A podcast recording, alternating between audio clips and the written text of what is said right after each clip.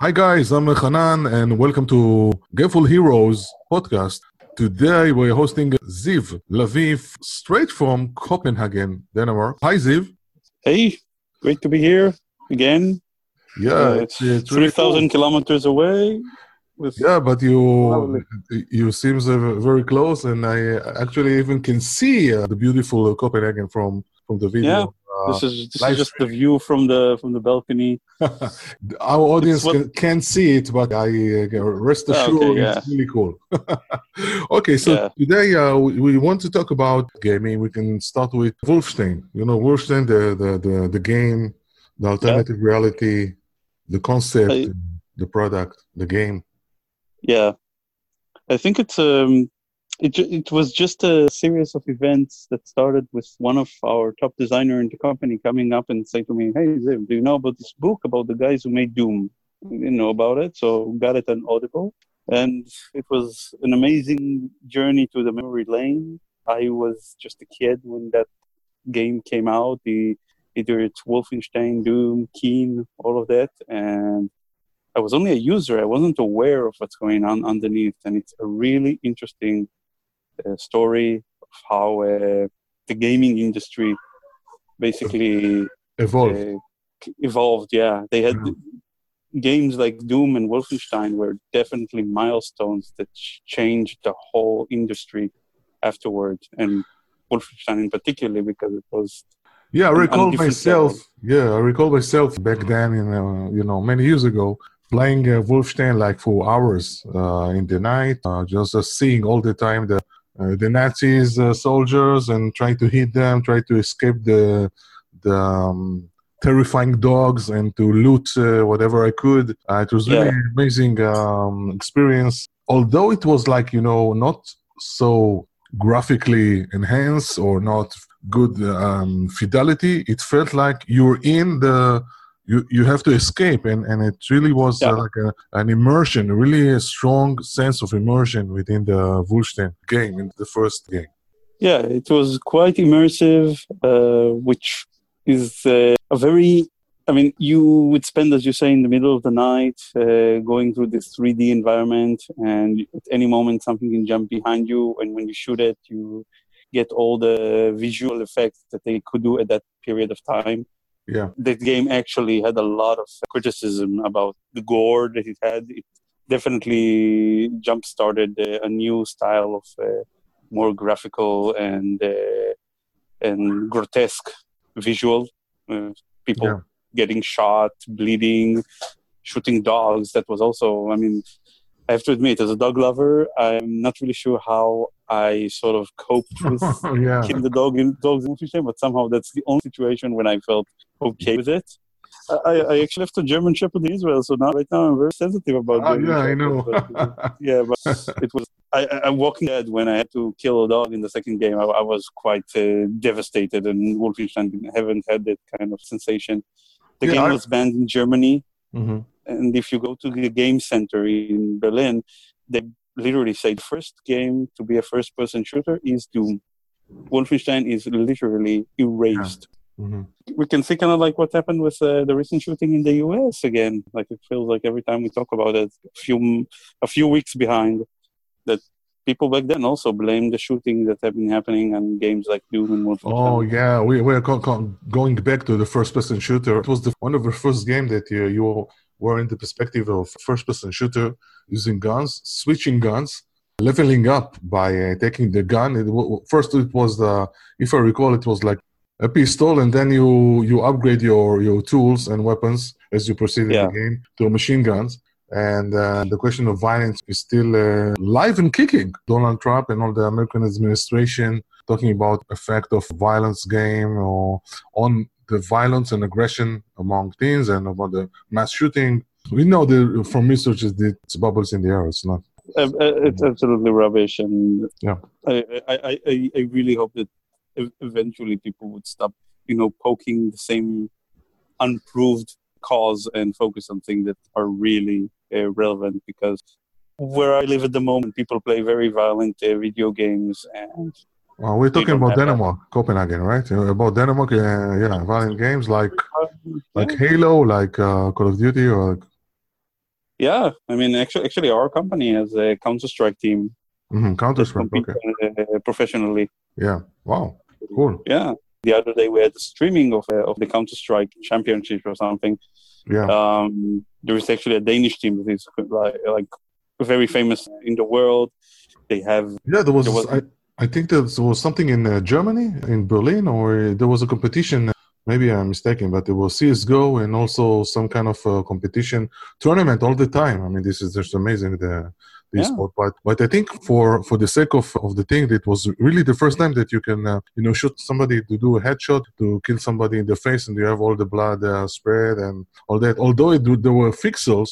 It's only pixels, but still, it was like it's enjoyment that you control the game. I think the game was the, one of the first that introduced the term agency, gamer agency, in which you can do yeah. almost whatever you do. Although you are limited within the game, but still you have a lot of power. You have a lot of decision to make. You as you go on the fly, you can do a lot of stuff. Yeah, and, and the industry came a long way since then. From yeah. uh, Wolfenstein to uh, Fortnite and yeah. Call of Duty, and, and and, and and and I would just recommend. I mean, to to read this book and to learn about it, even if you're not into these. Yeah, which book? Can you genres. repeat it because I can I hear uh, Masters Masters of Doom. Masters of Doom, the book is a recommendation. Yeah. What can you say about the book in one sentence? Yeah, not to put so many spoilers, but yeah. if you're okay. not if you were back in the 90s playing different games and were mm-hmm. excited about arcade style, then you definitely should read it because it would reveal a universe that you were not aware of, like literally a parallel uh, universe.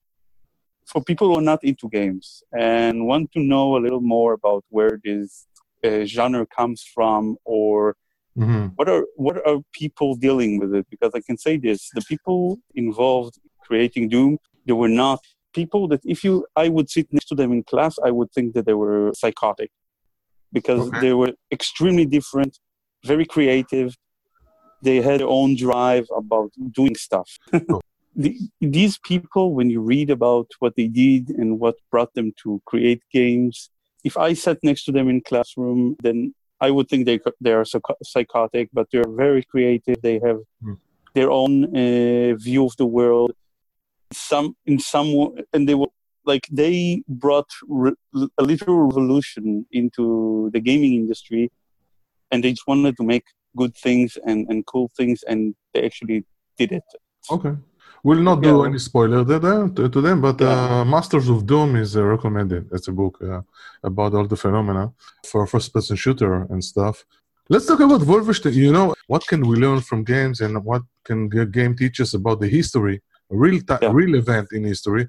And Wolfenstein, I think uh, we discussed this before, but it's very interesting. The last uh, Wolfenstein, taking into account all the hardware and uh, graphical, you know, um, all the fidelity enhancement, 3D. Yeah, we will go to 4K, I think, in the really near future. But still, from point of view of the story of the narrative, interesting point about uh, Wolfenstein. Uh, actually, it it is uh, banned to play Wolfenstein in Israel currently in multiplayer, right? You can't play it. Correct me if I'm wrong. I I haven't heard that particular news. I'm sorry that I don't follow, but be, be, because, because, it portrays uh, you can play uh, Nazi or you can play uh, you know you can choose which side you you can play. I oh, think I think it's not appearing on the Steam. It's not you can't buy it. I mean you can buy it you know to do hacking and buy it from you know yeah you can you can get your IP other... or whatever, but officially it's not uh, distributed. It's uh, regulated. Uh, I think it's regulated in Israel. You, you can play it because it suggests alternative reality. I mean, the last uh, Wolfenstein, we play a different scenario of history in which the Nazis have uh, conquered, won, and ruled the world. We can, I think, either be Nazis or I can be the resistance or whatever. Yeah. so what would happen uh, if we, we talk about it? What would happen if? I was when I was a teenager. I was quite fascinated with the whole uh, World War II stuff and Nazis and so on, because it was somewhat a taboo in some way. I mean, when we when we talk about there, there is the famous sentence in uh, Hebrew. Whenever time you mention the word Hitler, you said you say that "Imach shmo v'zichro" basically yeah. means may he be forgotten forever. Something that happening uh, this day in Israel. The Ministry of, of Education decided to uh, ban the use of smartphone and tablet in class, elementary school. Maybe it will be go also for the middle school. And from my point of view, it's games like Wolfenstein, for example. You can live alternative realities. You can Yeah. be somebody else. You can try something else. You, you can do simulation, and it uh, how do you say broaden your, your horizon. And by banning use of technology, not to mention games, will be a lost generation. From my point of view, I recall that Illinois University published a new project in which middle school students will build in Minecraft several Earths to solve the biggest big problems of the Earth uh, using computational tools and whatever. So they're taking down to middle school and even to elementary school uh, using Minecraft into school. They invest there around three million dollars in this uh, two years Mhm. project. So- So from the United States point of view, from, from Illinois uh, University, it's really cool. For for Israel, for the Israeli kids, I, um, let's say elementary school kids, prospects are not so good. They are not leveling up; they are leveling down. yeah.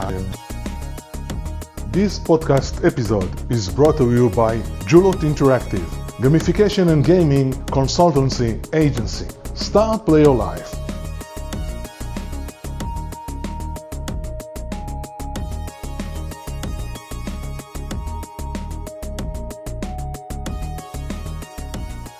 What do you think about Wolfenstein as a possibility of exploring, you know, the worst thing that you can think of? That let's say Hitler is a successor, I, I you know, ruling the world.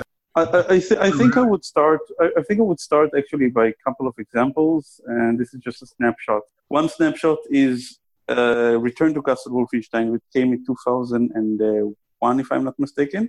Mhm. A year after that came a game that also dealt with Second World War, and in some ways it is more historically accurate, named Medal of Honor. Yeah, And Medal of Honor, right? Wolfenstein, yeah, and Wolfenstein was actually more immersive and gave me a sensation of, of real decisions or real impact on the world that I'm playing at and better understanding of that world because as opposed to the Germans in uh, Medal of Honor that, that spoke German and I couldn't understand a word, I Mhm. had Germans in Wolfenstein speaking English but in a German accent Yeah, and they were in some way they were regular people but they were regular people doing horrible things what you saw was that in medal of honor they would speak uh, german and we wouldn't understand a word and subtext they would say the same sentences over and over Yeah. and then you have the germans in wolfenstein speaking english in a german accent and you would see that these people and we're talking about like hardcore ss or people Yeah. that are quite quite nasty and and and cruel and everything they sometimes would speak like normal people about regular soldier stuff, about not Mhm. having hot water or missing their wives or whatever. yeah, And I, I would put Holocaust survivors aside and maybe the first generation, but our generation, I think the most important thing that we have to learn from this, from the Second World War, is that these were normal people. These were normal people that went to work, that had families, that uh, went to to movies, that had love, Mhm. and their day job was horrific, was cruel, was evil. yeah, Um, playing this situ- this situation, like imagine yourself being just like um, Schindler, being a party member, yeah, Schindler uh, being a part, ju- just being a party member, and Mhm. you know, going to those uh, great galas and and meeting Yeah. up. Uh, I mean, if you were part a party member, you would be respected and loved and everything. And if you were not, then you would end up beat, beaten in the street. Yeah.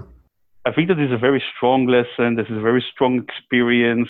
I would think that it would be, it gives you, if properly guided, it would give you a, a good perspective.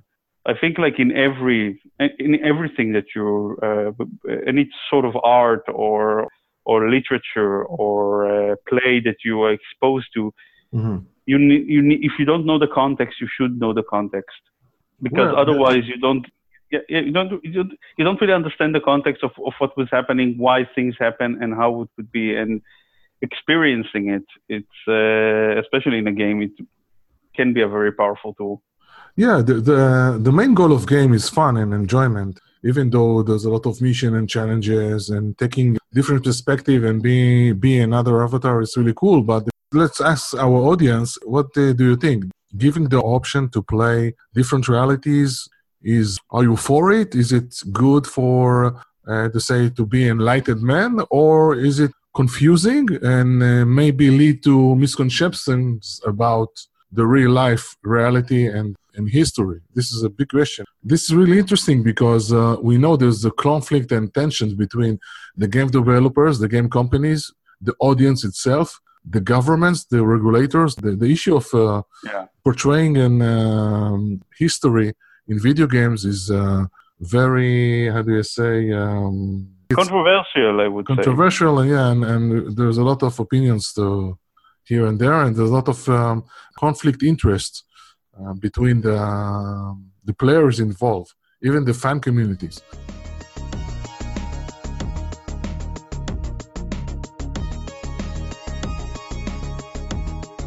Basically, as, as, as, a person that is interested in games both in uh, a scientific way and also as a gamer, I was quite shocked about the, the recent appearance of uh, WoW Classic and how it was perceived. And when I talk WoW Classic, I mean it's the World of Warcraft as it was when it was launched in 2004. It's yeah, this is amazing. Yeah, style, returning, returning again, returning in time, like you say. Okay, living, living again. Yeah. now, I, I, I, I was actually under the con- uh, the concept that it and you know it's only going for two weeks but i was under the impression that it would be a, just a, a flop. Just I, I thought I, uh, yeah i thought it would okay. have been a flop because today with how the game is is running in the retail version it's so fast paced and everything is so immediate gratification yeah. that nobody would have the patience to go out and start killing 50 wolves to get two thieves. And i'm not and i'm not joking. That's pretty much how you get the quest yeah. For some reason, the, you go out into a zone with vicious wolves that apparently have no teeth. So I don't know how vicious they are. Yeah, I just want to mention that you you were the uh, main um, researcher on the study that we done about the World of Warcraft guild, the managers, um, and uh, and you were in high ranked. And as you as we talked uh, a week ago about uh, the returning of uh, World of Warcraft Classic, I mentioned that uh, I just find out uh, with a lot of joy that Jagex, uh, the UK uh, company, uh, launch uh, RuneScape. Uh, you can say RuneScape Classic, which is on, yeah. on, on, mobile, and you can really you can turn on with your account on your computer on the web, or you can start fresh. And so for me, as player of RuneScape, it's really it's really like retro to the MMORPG. really yeah. Cool. And uh, like it. it's not a gimmick, right? Yeah.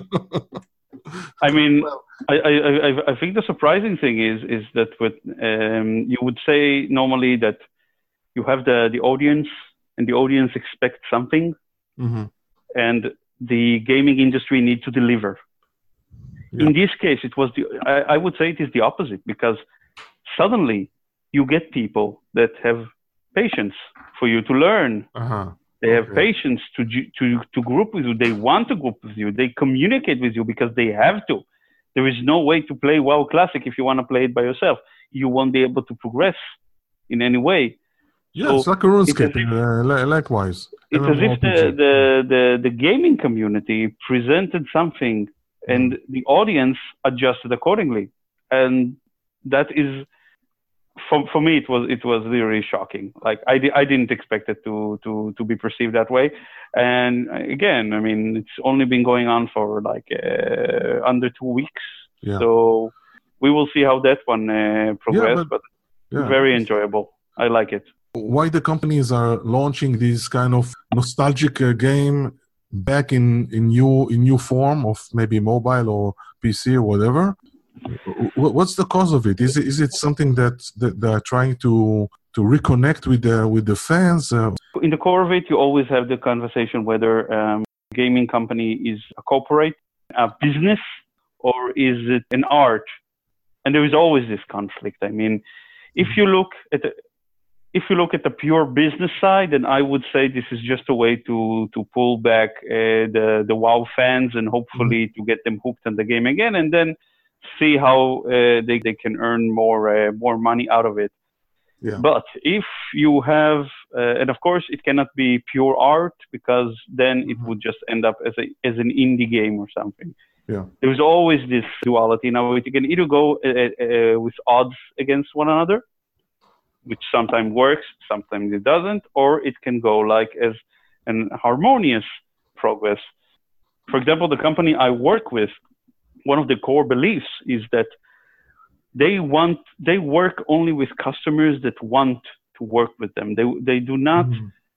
uh, accept customers who just come and say, "Listen, we not want anyone. this app. Yeah. Make yeah, we want this app. Make it for us and uh, you have six months to do it. They don't. Yeah. That's not what they're interested. They're interested about uh, in in cooperation, mm-hmm. long term, in making apps that would live for yeah would live for years. And yeah, one of our oldest apps are nine years old, which is mm-hmm.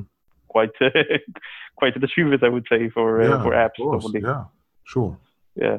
I, I, guess we'll just have to see how how that will go because so I'm pretty sure the uh, companies themselves are a bit surprised so by their mm-hmm yeah, so yeah. it's interesting question to general question to say uh, what make you uh, go back and play? Uh, is is it how do you say good playing card? You know, in Hebrew you say יש לו קלף In Hebrew, you have a winning card. Companies that have a lot of IP, uh, intellectual property of, of the game that already been developed, and now you can relaunch it and uh, hook newcomers and also hook the the ones that really miss yeah miss the game it's almost like in music returning into nostalgic uh, video games i think the reference you gave for music is quite accurate i would say the generation of the not my generation but at least five years uh, back you suddenly start seeing people going into concert at their 50s and mm-hmm. 60s yeah. Because before, my my parents never went to like uh, the pop concert of the 50s or or the 60s if there had been another another round. But suddenly you have bands that show up after 20 years being uh, completely silent and yeah. uh, mm-hmm. doing a comeback and yeah, a comeback exactly a huge crowd coming to that uh, to mm. to this event so you see that there's maybe there's like this uh, reliving another period, like uh, when you're mm-hmm. older, suddenly you want to go back and yeah. listen to the same music when you were a teenager or playing the same game that you played uh, 10 or 15 years ago. Yeah. It's a cultural phenomenon. Yeah. And, well, great. It was really pleasure talking with you in another yeah. edition of uh, Gameful Heroes podcast, how video games and people with gameful mindset shape our world. Ziv, thank you for, for being here. Uh, really pleasure. See you next time. Game on.